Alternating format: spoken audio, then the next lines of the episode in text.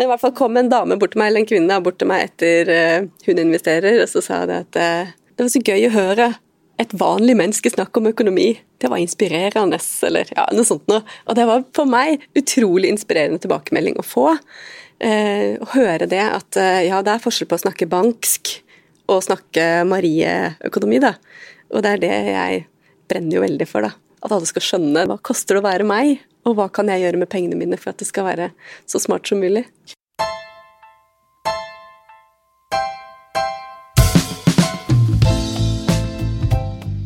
Marie Olaussen, velkommen til det hun sa.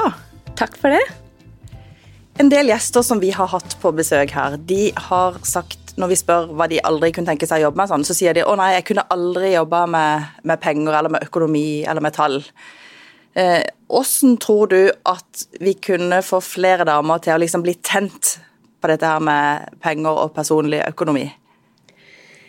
Jeg er helt overbevist om at uh, når kvinner, og ikke hvis, men når kvinner oppdager hvor stor frihet og hvor mange muligheter det er i å faktisk ha kontroll over sin egen økonomi, eh, og se at eh, pengene kan eh, vokse. sånn at altså, Penger er jo bare muligheter. ikke sant? Det er et problem hvis man ikke har det, men når du har penger og har kontroll på, på pengene dine, så, så, vokser det til så mange muligheter som vi kan gjøre. Eh, Ting vi ønsker oss, eller ja, Noen syns jo kanskje de jobber litt mye. Um, og da må vi jo gå på jobb hele tida, da. Hvis det er sånn at eh, vi, sant, de pengene vi får inn, de går til å betale regningene. Og så er det en ny måned, så får vi nye penger, de går til å betale regningene. Så har vi liksom ikke noe frihet til å Hei, tenk hvis jeg har lyst til å reise tre uker til Bolivia og gjøre det vi egentlig brenner for. Det er ikke det jeg brenner for, da, men eh, ikke sant? alle har sin drøm. Um, jeg håper det, Hvis man kan se at eh, penger er noe mer enn bare noe som kommer og går, da. Um, jeg håper det kan inspirere. Men du har sjøl vært en av de som fikk litt sånn noia av penger, og som hadde litt rot i økonomien. Hvordan eh, kom du deg ut av den spiralen? Eh, jeg har eh, alltid tenkt at jeg er kjempegod med bokstaver, og det har jeg brukt som en unnskyldning. Jeg er journalist. Jeg har brukt som en unnskyldning til at jeg ikke trengte å sånn, være så interessert i tall. Da. Sånn at på et tidspunkt da, etter at jeg var skilt og fortsatt lata som jeg hadde to inntekter, åpenbart, så, så opplevde jeg at jeg hele tida brukte mer penger enn jeg egentlig hadde. Selv om jeg hadde en god lønn, så var jeg liksom i minus hver eneste måned. Og i januar 2019 så hadde jeg levert fra meg bilen på EU-kontroll, eh, og det er jo annethvert år. Det kommer jo egentlig ikke som en overraskelse at bilen må på EU-kontroll. Litt. Ja, for meg så gjør det hver gang det, da. jeg må innrømme det. Men egentlig så skal det jo i et eh, strukturert menneskets liv ha Det er liksom som at er, du har bursdag hvert år, og det kommer jula kommer. EU-kontrollen kommer annethvert år. Men jeg leverte i hvert fall fra meg bilen på verkstedet, og jeg visste idet jeg leverte fra meg nøkkelen at i dag har ikke jeg penger på lønnskontoen min, selv om det er lønningsdag, til å hente bilen med det vanlige bankkortet. Og da måtte jeg visste at nå skal jeg dra kredittkortet igjen. Og jeg visste at det var ikke første gangen. Hadde feira jula delvis på kreditt. Selv om jeg egentlig ikke tenkte at jeg var en sånn person som som trengte kredittkort, så var jeg blitt en sånn person. Um, og da, Der og da så bestemte jeg meg for at eh, det vil jeg ikke være lenger. Jeg syns det er slitsomt at jeg er redd for å gå i nettbanken at jeg er redd for å trekke kortet på Meny i tilfelle det ikke er penger der. Fordi jeg tør jo ikke gå inn og se om det er penger der. Så da bestemte jeg meg der og da for at eh, om et år, da, januar 2020, så skulle jeg være rik. Jeg skulle ikke ha økonomiske bekymringer lenger. Jeg hadde jo ikke økonomiske problemer, men jeg hadde masse pengegnag. Og jeg lå våken om natta og liksom bekymra meg for hvor har det blitt av den regninga henta ikke jeg en regning i postkassa, hvor gjorde jeg av den? Og da lå den kanskje i bokhylla eller i underbukseskuffen eller et eller annet sted. Jeg hadde bare lagt den fordi kanskje vi fikk besøk, og så rydda jeg bort rotet, og så kom det en purring, da. Så, så det var sånn økonomisk kaos som jeg etter hvert har skjønt at mange har. og det er jo helt sikkert mange som har kjent på det samme, eh, det samme behovet for å ta tak? Man tenker det igjen og igjen, nå må, nå man skjerpe seg. Men, men, fra å tenke det til å faktisk gjøre det, eh, det er ikke nødvendigvis noen sammenheng der, men, men du klarte det. det. Hvordan klarte du det? Jeg var jo veldig heldig fordi jeg har den jobben jeg har. Jeg er samfunnsredaktør i Tønsbergs Blad, og jeg eh, holdt da på med en podkast eh, som het TV-podden, som var en aktualitetspodkast. Og jeg tenkte nå må jeg få Altså dette her må være et eh, journalistisk prosjekt. Det er ikke bare jeg som syns at det er kjempekjedelig når januar kommer og jula blei for dyr. Jeg veit at jeg ikke er aleine om det her, sånn, så det jeg gjorde var at jeg ringte til en lokal bank fordi vi hadde skrevet om at eh, denne banken den reiser rundt, eh, de har to damer som reiser rundt og forteller på ungdomsskolen da, om hvordan man kan liksom regne på eh, hvor mye kebab de kjøper og Monster og energidrikk og sånn, og så gjøre ungene oppmerksom på hvor mye penger forsvinner i løpet av en måned. da. Så Jeg ringte og spurte banksjefen om kanskje de to damene kunne komme og lage litt podkast sammen med meg. da. Og, det, og den skal hete 'Slik blir du rik på et år'. Og banksjefen han sa ja, du veit, eh, rik og rik, det er jo så mangt. Eh, og da måtte jeg bare si at ja, nei, men det her er ikke sånn rik og rik, det kan være så mangt. Dette her er skikkelig hard cash på konto. Det er ikke noe sånn Steinerskolen eller det er ikke filosofisk. Det skal være hard cash på konto i 2020, når det kommer 2020. Så det må være så konkret. Eh, og så kom de to jentene, da, Camilla og Hanne som de heter, ned til Tønsbergs Blad i podkaststudio, og så begynte vi å lage Vi delte vi opp. Hva slags episodestruktur kan vi ha? Hvordan er det man egentlig rydder i økonomien sin? Um, og så uh, spilte vi inn fire-fem episoder. Og jeg skrev litt uh, noen forbrukersaker også, henta inn noen kilder og tenkte nå går jeg skikkelig dypt inn i det her sånn, og bruker meg selv for å bare være litt sårbar, da og vise frem. Og så fikk jeg så vanvittig mange tilbakemeldinger fra folk som sa at eh, det gjorde Det traff dem så godt, da. Og at eh, det at jeg snakka om det her uten å skamme meg, eh, og uten å synes at det var veldig flaut, det det, det, det, hjalp mange da, til å tenke at ok, hvis hun kan si det høyt, så kan jeg i hvert fall innrømme det for meg sjøl. At det her er noe jeg må gjøre noe med. Og så blei det så mange bra tilbakemeldinger, og så opplevde jeg jo at jeg gjorde mange grep. Noe lyktes, noe lyktes ikke. Det tok lang tid før jeg klarte å holde matbudsjettet som jeg hadde bestemt meg for. Jeg syntes det var veldig vanskelig det med planlegging og fortsatte å kaste mye mat. Eh, fortsatte å eh, ikke sant, fikk regninger som jeg ikke hadde oversikt over skulle komme. Så selv om jeg hadde gjort en sånn veldig grundig jobb, dette koster det å bo hjemme hos oss, så var det vanskelig å liksom få det til å virke, da. Eh, men siden jeg hadde da disse to damene som jeg kunne spørre, og som jeg liksom sendte Vi blei en liten sånn chattegruppe, ikke sant. Jeg bare åh, nei, nå er det Nå får jeg ikke til dette her, eller nå tror jeg vi, dette tror jeg vi må snakke om neste gang i podkasten. Eh, så, så forplikta jeg meg på en måte litt sånn der ute, da. Jeg tenker Noen er jo veldig flinke, de de slanker seg litt i offentligheten f.eks., eller de trener, begynner å trene til et uttalt mål.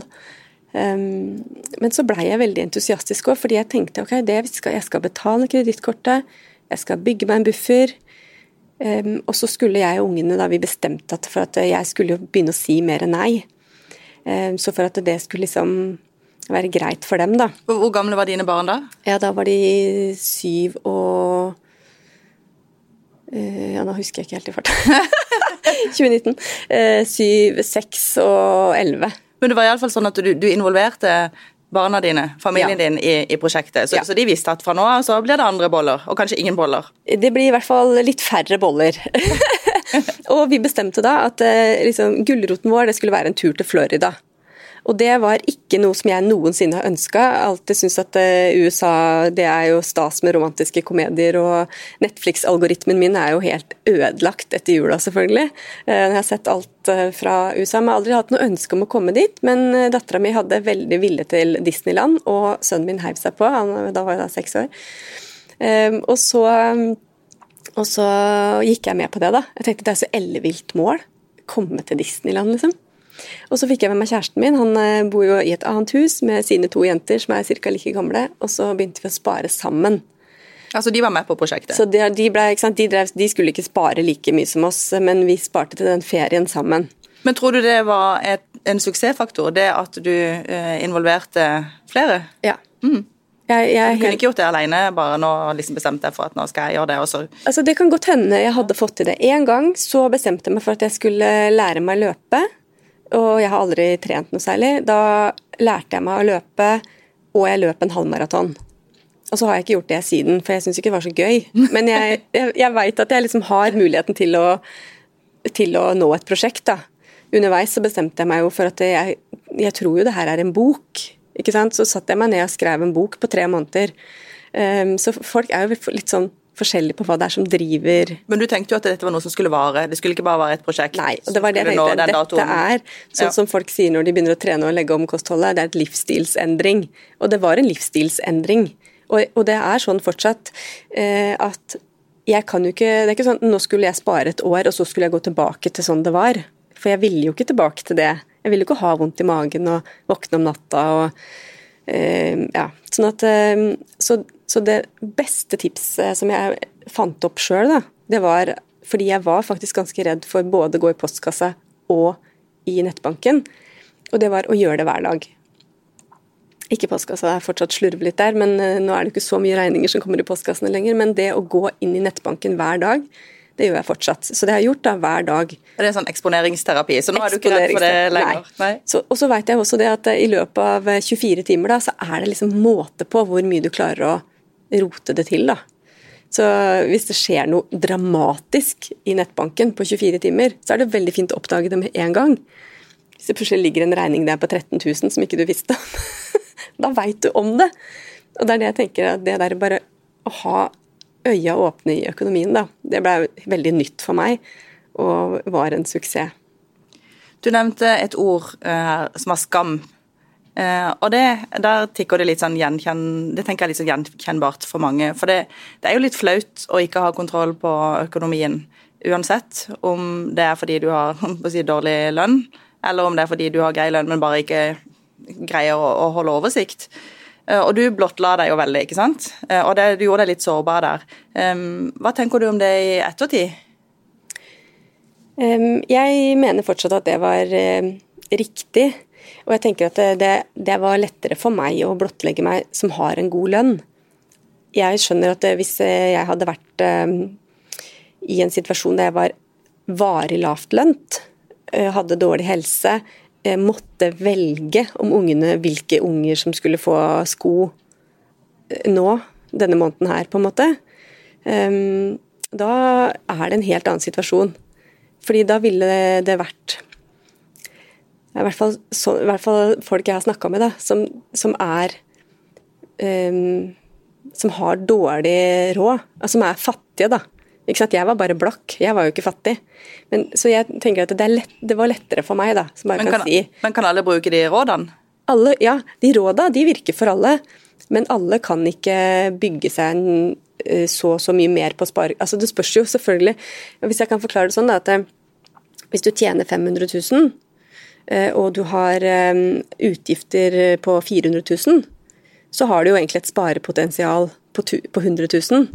Eh, men hvis du har én eh, million kroner i lønn, eh, og, har, og utgiftene dine er 1,1, så har du en minus sparepotensial på 100 000. Så utgangspunktet er jo ikke lønna, men hvis du har veldig lav lønn, og, ikke, og du har en helse som gjør at du ikke kan bare få inn mer penger, så er sparepotensialet veldig lavt. Og da kan man bruke de råda til å, sant, til å sjekke forbruket sitt, til å bli smartere i matbutikken. Men det er selvfølgelig en nedre grense for hvor lite forbruk en familie kan ha. Sånn at eh, alle råda er helt supre. Alle, ikke sant. Planlegg middagen, eh, velg, eh, sjekk kiloprisen, alle de kjerringråda som ligger i bånn for det spareprosjektet jeg har gjort. da. Men jeg tenker at, at vi må ta på alvor at noen i Norge har så lav inntekt at det er ikke hokus pokus å bli rik på et år. Men prosjektet ditt, hvordan gikk det med det når det var gått et år? Ja, det, da var det da hadde, hadde da ikke noe kredittkortgjeld igjen. Eh, og jeg hadde buffer på 70 000. Og hadde betalt denne ferien til Amerika på, som da endte på 45 000. Og for å, for å mm, For å få til det, så gjorde jeg to ting. Jeg senka forbruket. Hver eneste måned så brukte vi mindre penger enn det vi hadde gjort tidligere. Men så begynte jeg også å eh, øke inntektene. Og jeg har fastlønn, så jeg kunne ikke ta en ekstravakt eller jobbe overtid. Det, det liksom går inn i den fastlønna jeg har. Men da eh, gjorde jeg eh, to ting. Det første var selvfølgelig eh, også et kjerringråd. Selg alt du har i boden og på loftet, og få inn penger fra Finn og Facebook. Det fins altså Hvis du ser rundt deg huset ditt, alt det vi ser på, har kosta penger en gang luft og kjærlighet er gratis. Men ellers så er det noen som har betalt penger for alt du har i huset. Dvs. Si at det kan hende at noen har lyst til å betale penger for det igjen. Ikke sant? Så gjenkjøpsverdien kan du utløse en del penger. Så, så begynne å selge ting. Det selge ting. ting ja. ja. Eh, og så gjorde jeg et litt skummelt for meg da, grep, og det var at jeg begynte å leie ut eh, huset vårt på Airbnb. Eh, og Det var en sånn idé som kom fordi den siste ferien vi hadde før jeg bestemte meg for at eh, sånn her kan jeg ikke ha det lenger, det var en sånn eh, førjulstur til Gøteborg. da. Jeg og kjæresten min og våre til sammen, eller to pluss to barn, leide vi oss inn på Airbnb i Gøteborg. Nydelig villa i en forstad, og kosa oss så fælt. Og syntes at det var så gøy feriekonsept.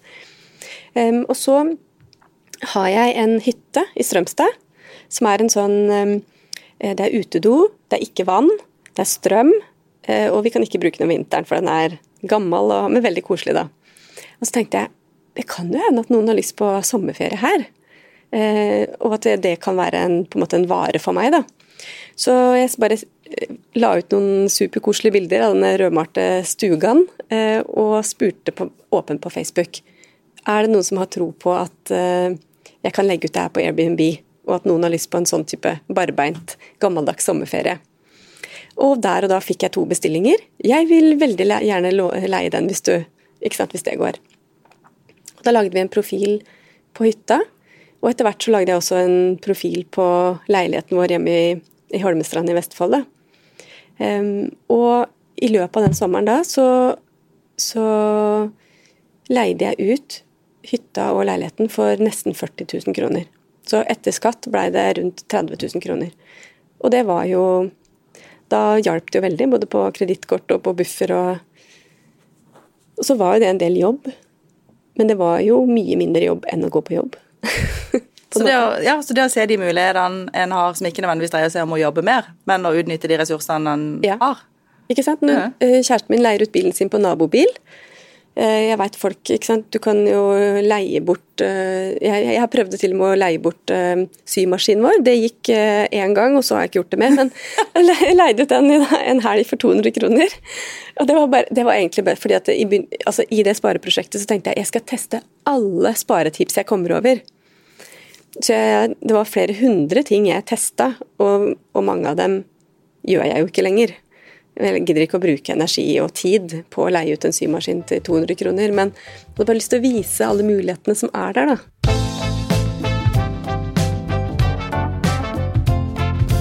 Men hvilke andre sånn konkrete råd har, du, råd har, du, tatt med deg videre? Altså, du har forkasta en del fordi de ble slitsomme, sånn som det med symaskinen. Men, men eh, hva, hva, bruker du ennå? Altså, hvis du skulle gitt meg et godt råd nå, da, eller, eller to, som, er, som virker? Ja, jeg ser at det er veldig mange Jeg hadde problemer med matbudsjettet. altså problemer med, Dvs. Si vi spiste opp veldig mye av eh, pengene, og vi kasta veldig mye av maten. Så dvs. Si vi nesten kunne putta pengene rett i matavfallsposen i, i, i, noen tilfeller.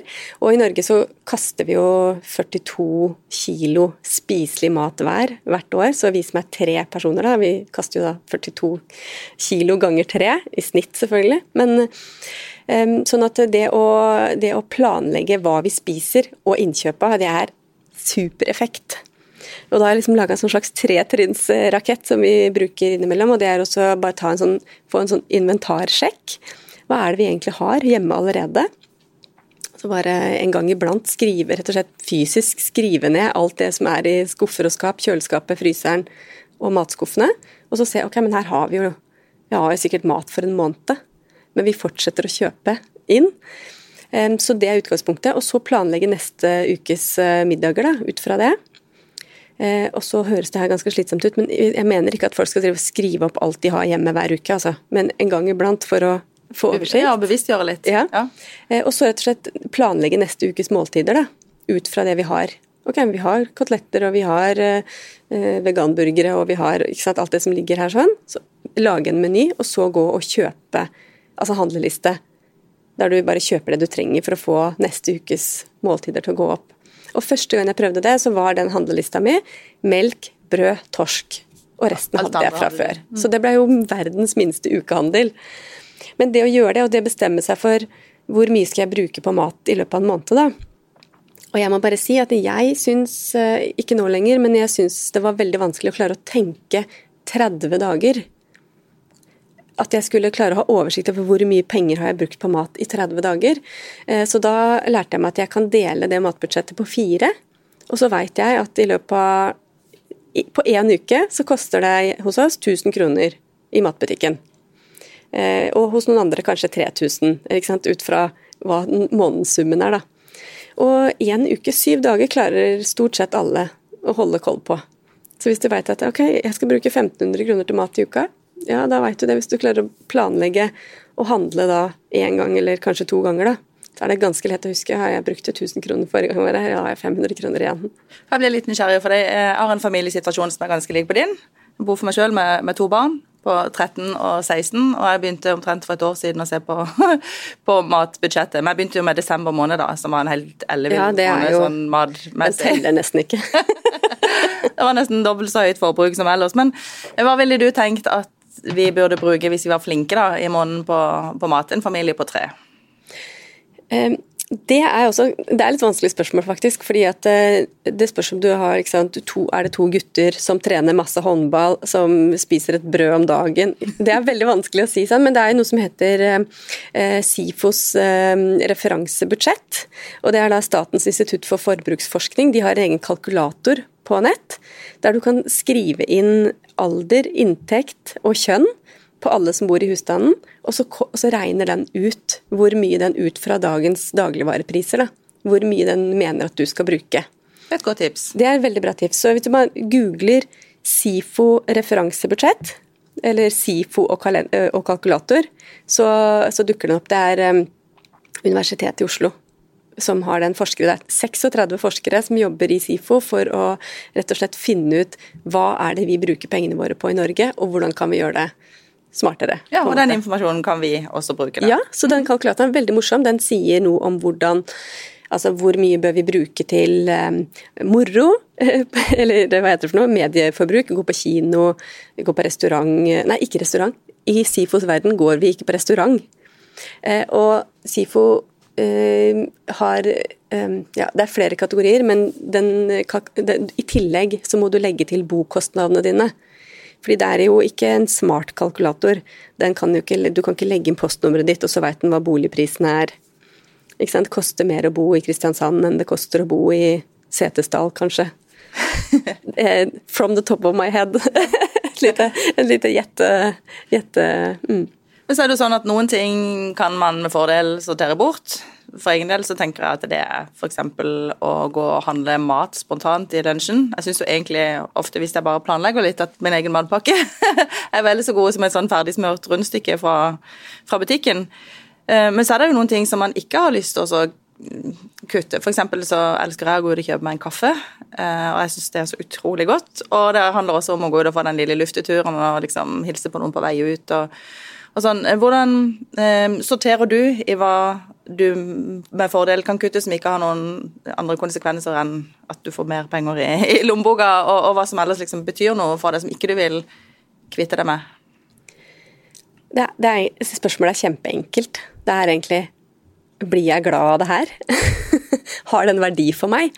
Eh, og hvis ja, så er det på en måte med videre. Men samtidig, så hvis du blir glad for alt du bruker, eh, og det ikke henger sammen med inntekten din, så det, kan man jo måtte prioritere uansett. Eh, og, det, og, det, måtte jeg jo i starten, når jeg hadde kredittkortgjeld og jeg mangla buffer og vi skulle til Florida. Eh, da var det jo noen ting som på en måte røyk. Da røyk det noen kinobesøk, selv om det gir meg glede, på en måte. Så jeg, jeg tenker det at det er egentlig derfor vi gjør det. Det er derfor jeg ønska å endre forbruket. Fordi det rant ut så mye penger på ting jeg ikke huska hva var. Det var jo ikke sånn, ikke sant? Hvis jeg så meg rundt i huset, så hadde jeg ikke noe designsofa eller noe Det var ikke noe som jeg kunne peke på. Det er der pengene er. De bare liksom forsvant. Og da Og da Jeg tenker at ja, ikke sant? Så, så bruk penger på den kaffen når den gir deg glede, og den ikke går utover strømregninga di. Men den dagen du må velge, så det jo Bør det være et enkelt valg, da. Å gå fra fem kaffe i uka til tre kaffe i uka. Ikke sant? Men, men det, eh, da jeg skrev eh, boka mi, 'Hvordan bli rik på et år', så handler hele kapittelet om budsjett. Om aller først finne ut det du ikke Den gleden du ikke vil gå glipp av. Og putte den inn i liksom høyt opp på lista. Uh, og det kapitlet heter noe sånt som uh, 'Slik får du plass til nok Prosecco i budsjettet'. Ja, For det er jo ikke sånn at det skal være ett år som skal være skikkelig kjipt? Nei. For da når du vel ikke målet? Nei, så tankene er på en måte egentlig å lage det er så lett å si at de skal ha balanse i livet, og hva er det egentlig det? Men tanken er jo at når, når den måneden er over og du får lønn på nytt Hvis du har, hvis har dekka alle behova dine da, hvis du har klart å sette av litt til sparing, fordi, og, og, aller helst til investering, ikke sant? sånn at vi tar ansvar for at vi noe der framme uh, At vi har samla litt penger til noe som kommer der framme. Uh, og ofte så så snakker jeg med folk som sier sånn Ja, men må, det er jo lov å kose seg litt. Og jeg tenker, Det er lov å kose seg litt, det er jeg så enig Men hvis vi koser opp alle mulighetene til å gjøre noe skikkelig kult om tre år, da, som var det at vi, at vi sparte til denne Florida-ferien Nå har jo korona to somre på rad satt stopp for den Florida-ferien, så den er ute nå. Men, men eh, hvis jeg hadde fortsatt å tenke at jeg, vi skal kose oss, vi skal kose oss, vi skal kose oss, da hadde vi ikke hatt penger til den Florida-ferien. Så jeg bare tenker at jeg ikke ta vekk det som gir glede, men ikke tenk at alt er like mye verdt, da. For det er det antageligvis ikke. Du har helt sikkert noe i, i forbruket ditt i løpet av en måned som du tenker Jeg bryr meg ikke egentlig om det. Jeg kjøpte det fordi at jeg ikke hadde planlagt det, eller jeg kjøpte det fordi at jeg fikk lyst på det der og da. Ja, Men dagen ja. etter så så, så, hadde det ikke noe verdi lenger, på en måte. Men den kaffen syns jeg jo Bare fortsett med den. Men et råd som jeg syns er veldig bra, som jeg har lest på din eh, Instagram-konto, det handler om det der å ikke kjøpe noe til deg sjøl som du ikke har ønska deg i mer enn 24 timer.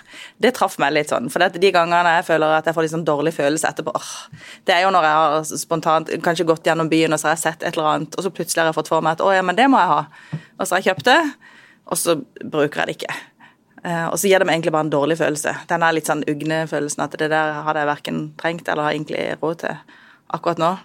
Uh, så det syns jeg var et veldig bra råd. Det skal jeg ta med meg. Men, uh, men det leder meg over på det andre igjen, som handler om følelser. For det, det å disponere pengene sine dårlig, det får en jo til å føle seg dårlig. Så det er vel en sånn sammenheng også mellom økonomi og både psykisk og fysisk helse.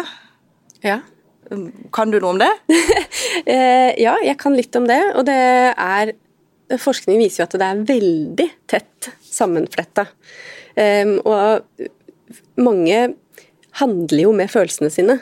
De kjøper jo først og fremst eh, altså De regulerer følelsene sine. Noen gjør det med mat. Ja, Trøsteshopping. Trøsteshopping, ja. ikke sant? Ikke sant? Eh, og den derre Enten det er sorg eller det er sinne, eller det er tristhet, eller det er kjedsomhet, eller det kan også være glede, men ofte er det de negative følelsene da, som gjør at istedenfor å ta tak i de følelsene, den, hva er det som egentlig gjør meg trist, så reparerer vi på den med å handle eller kjøpe oss noe som vi tror kan gi glede, eh, og så gjør det kanskje det i det lille øyeblikket der vi faktisk enten går inn i butikken og henter den varen, eller idet vi klikker det inn i bare digitalt da, i nettbutikken. Men så kan du da komme tilbake som en sånn rekyl, og så blir du enda tristere. Og ikke bare trist, men så begynner du å skamme deg òg. Fordi du ikke klarte å ha selvkontroll når du hadde bestemt deg for at nå skal jeg jo ikke kjøpe, kanskje. Og, og, og det er også veldig knytta opp mot sant, dobbelt når det gjelder mat. da. Ikke sant? Hvis man regulerer med å kjøpe sjokolade f.eks., så både kjøper du med penger du burde brukt på noe annet, og i tillegg så, så spiser du den sjokoladen da, som du egentlig hadde bestemt deg for å Og så må du handle nye klær, for det snart så passer du ikke Ja. det du har. Og Ja, så må du ha en garderobe til hver vektklasse. men, men jeg har snakka med psykologer som har altså, det, øk Økonomi i den ytterste konsekvens handler om liv og død. Så, så folk tar livet av seg. I, ikke sant? Vi, folk flest gjør heldigvis ikke det, men for noen så blir det så store økonomiske problemer. Skammen blir så stor, og det går ikke an å løse problemet. Eller de får ikke til å løse problemet.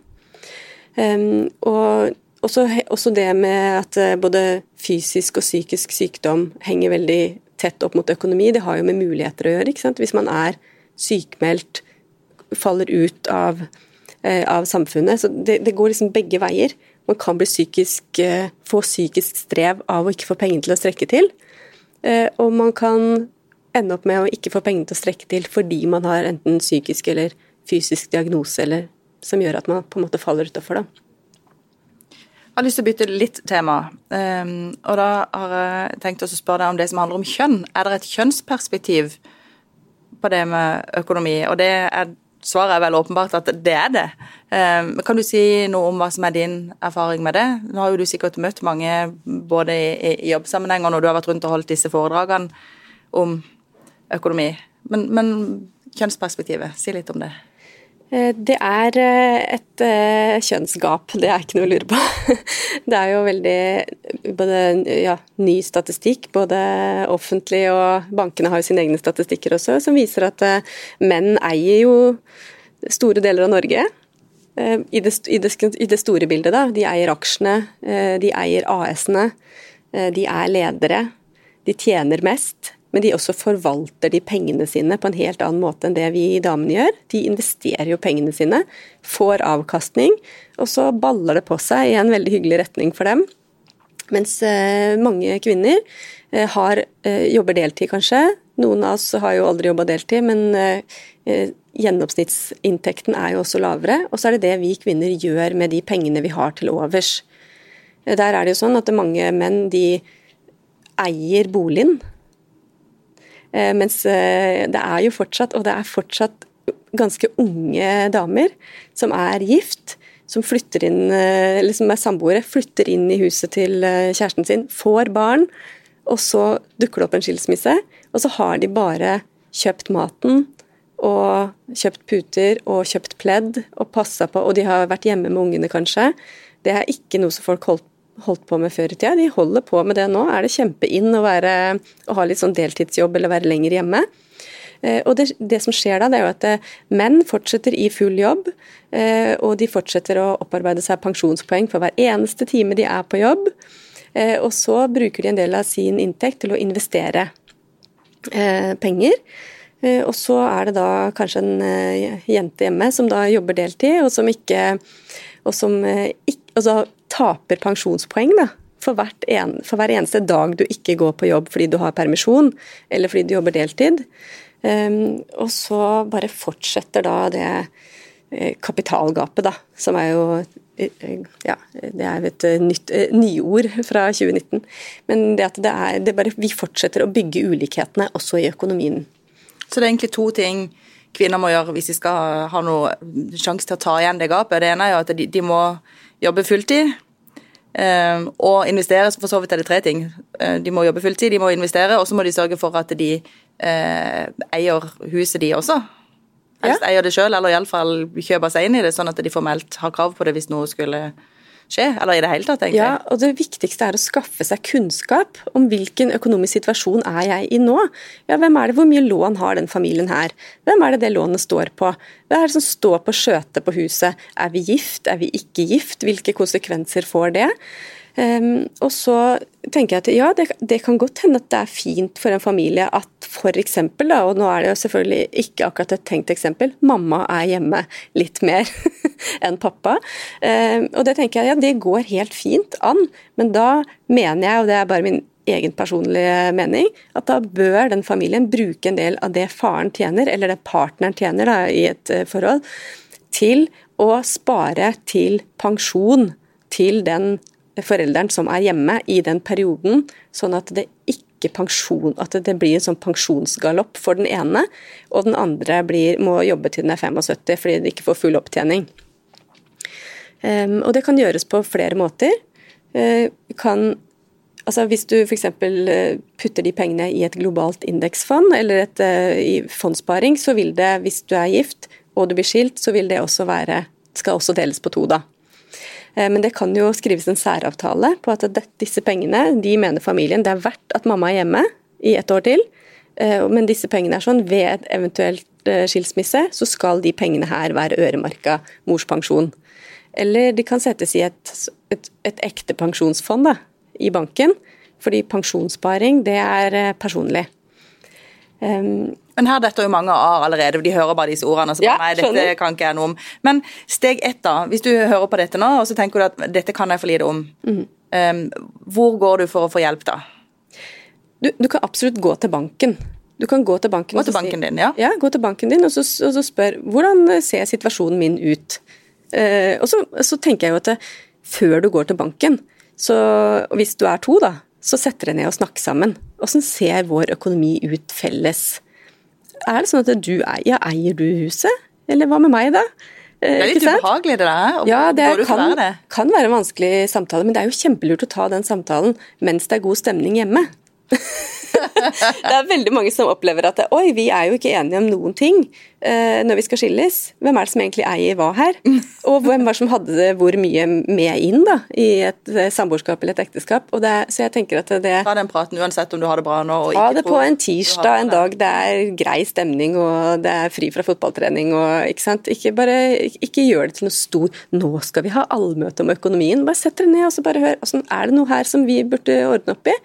Hva skjer hvis du dør, eller hva skjer hvis du finner en annen dame og flytter? Åssen har vi det da? Og så kan vi le av det, nei det skjer jo ikke. Men for halvparten av oss så er det noen som ikke nødvendigvis finner en annen dame, men som i hvert fall finner ut at de ikke skal være sammen lenger. Så gjør det. Ta tak. Ta den, ta den praten. Ta praten hjemme. Og hvis du er aleine, så bare få hjelp i banken til å se åssen ser det ut hjemme hos meg. Men disse tingene er jo litt sånn basic for å sikre seg at man har til livsopphold og til å leve det livet man gjerne vil leve seinere. Um, men hvis man har sånn tålelig styr på det og har klart å få seg en liten buffer og har litt penger og har lyst å investere de, er, hva er første skritt man tar da? Um, det første skrittet det er at uh, man bør en skal åpne det som heter en aksjesparekonto. Eh, og det er en slags det er en slags lommebok i banken. Et sted du skal sette pengene dine, og fra den kontoen så kan du kjøpe um, aksjer eller indeksfond eller hva du skal gjøre.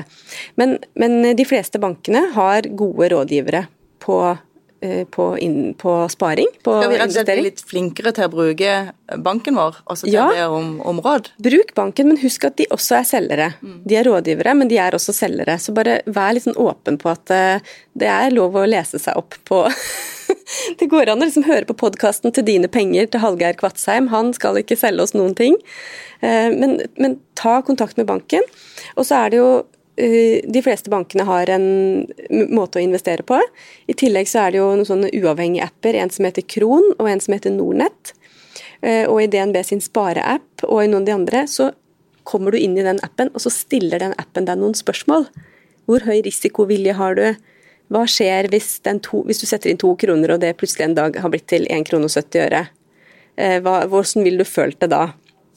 Og så anbefaler den noen investeringsprodukter som er innafor den magefølelsen du har, da, på hvor mye risiko du har lyst til å, til å um, legge i, i, potten.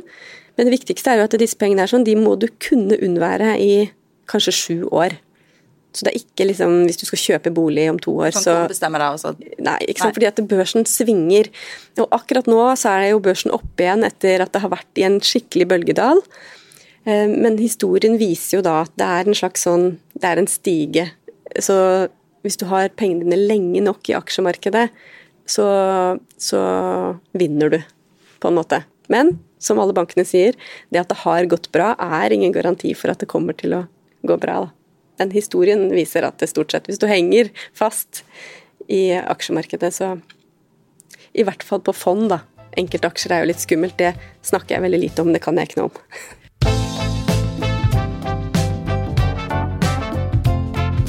Det er det som mangler i Norge, da. Det er den derre startkunnskapen. Fordi vi snakker jo ikke så mye om penger. ikke sant? Lønna vår er litt hemmelig, vi skal ikke si hva vi tjener. Um, um, det er kanskje litt sånn norsk måte veldig... å være på det der, at vi er litt ja. sånn nedtona og litt sånn diskré i forhold ja. til det med, med, penger, for ikke å virke skrytete og sånn. Ja. Men jeg legger merke til en ting, og det er at når du snakker om dette med å investere og sånn, så har du mye energi. så det ser ut som du syns det er gøy. Og jeg tenker det er kanskje noe av nøkkelen for å få flere til å interessere seg for det, at vi klarer å snakke om det som noe positivt og noe gøy, og noe som handler om muligheter. Ikke sant? Ja. Ja, og det er det det er. ikke sant? Det er det at det, eh, det er jo litt nerding, og, og, det er en dille. Det å Altså, hvis du investerer pengene dine, så er det ikke meningen at du skal gå og sjekke hver dag om det går bra eller ikke, men jeg gjør det kanskje to ganger om dagen, Inn og sjekker om de investeringene går bra. Eh, og det, det er også noe av det som gjør at kvinner vinner når de først går på børs. For de er ganske flinke, egentlig? De er ganske flinke, ja. og de tar det rådet om å faktisk sitte stille i markedet. Så du kjøper hver gang du får lønn for 1000 kroner, 500 kroner, 3000 kroner ut, ut, fra hva du har muligheten til. Bare kjøper når børsen går opp og når børsen går ned. Hver eneste måned kjøper de. Mens veldig mange menn de, er, å, de skal gi enkeltaksjer, eh, og de skal spekulere og de skal selge seg ut og inn. Eh, og så, og så viser jo da eh, tallet at det, det går bedre med kvinner. Når de først er inne og investerer, så investerer de smartere. Nettopp fordi de setter seg, er litt mer tilbakelent. da. Så vi kan egentlig bare oppfordre folk til å rett og slett hive seg utpå? Ja, absolutt. Ja. Men skaff deg den kunnskapen, så invester i noe du skjønner. Uh, og jeg får ofte sånn Hei, du, kan du gi meg hva, Hvilket fond skal jeg putte penger i? Og det sier jeg jo aldri. Det er jo ikke Det er jo veldig strengt i Norge at du skal være du skal, være, du, har, du skal, ha lov til å snakke om det. Da. Du skal ha utdanning og du skal være stempla eh, finansrådgiver for å kunne gi så konkrete råd. Men eh, jeg har fått mail fra Finanstilsynet som sier at det er helt greit at jeg sier at, for, at det er smart å investere. du har iallfall klart å ta noe fra å være et sånn lite privat prosjekt for deg og din familie, til å bli noe som angår mange, og som engasjerer mange. Så du har fått noe til å skje. Ja, det er kjempegøy. Ja, Det må være en god følelse. Ja, det er en veldig god følelse. Og jeg, har, eh, jeg får veldig mange tilbakemeldinger på det at det, oh, Marie, det at du sier det sånn at jeg skjønner hva du mener.